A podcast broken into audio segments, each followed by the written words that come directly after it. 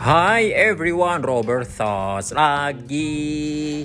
Adapun alat-alat yang dapat digunakan untuk mendukung keunggulan operasi organisasi uh, ada tiga, jadi bukan balon karena hanya ada tiga, uh, yaitu Business Process Re-Engineering, Total Quality Management, dan program Six Sigma.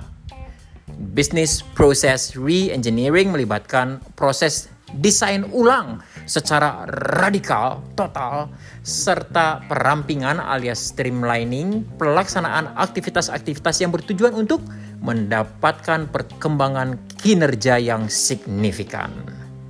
Total Quality Management adalah pendekatan manajemen yang menekankan pada pengembangan berkesinambungan di setiap fase operasi organisasi akurasi 100% dalam pekerjaan tugas, pelibatan dan pemberdayaan pegawai di semua level, desain kerja berbasis tim, benchmarking dan kepuasan pelanggan yang menyeluruh.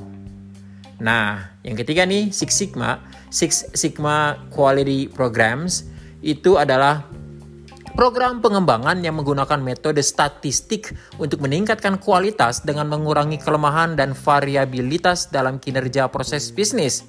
Six Sigma sendiri ada dua macam. The Make, the M-A-I-C, Define, Measure, Analyze, Improve, and Control. Mendesain, mengukur, menganalisis, mengembangkan, dan mengendalikan merupakan sistem pengembangan dari proses yang telah ada. Jadi yang ada mungkin ada kekurangan-kekurangan diperbaiki dengan menggunakan salah satu dari Six Sigma program, The Make, The Make, The M-A-I-C. Nah, uh, Six Sigma yang kedua adalah DMAT-V, D-M-A-D-V. Define, Measure, Analyze, Design, and Verify. Pendefinisian, pengukuran, analisis, perancangan, dan verifikasi.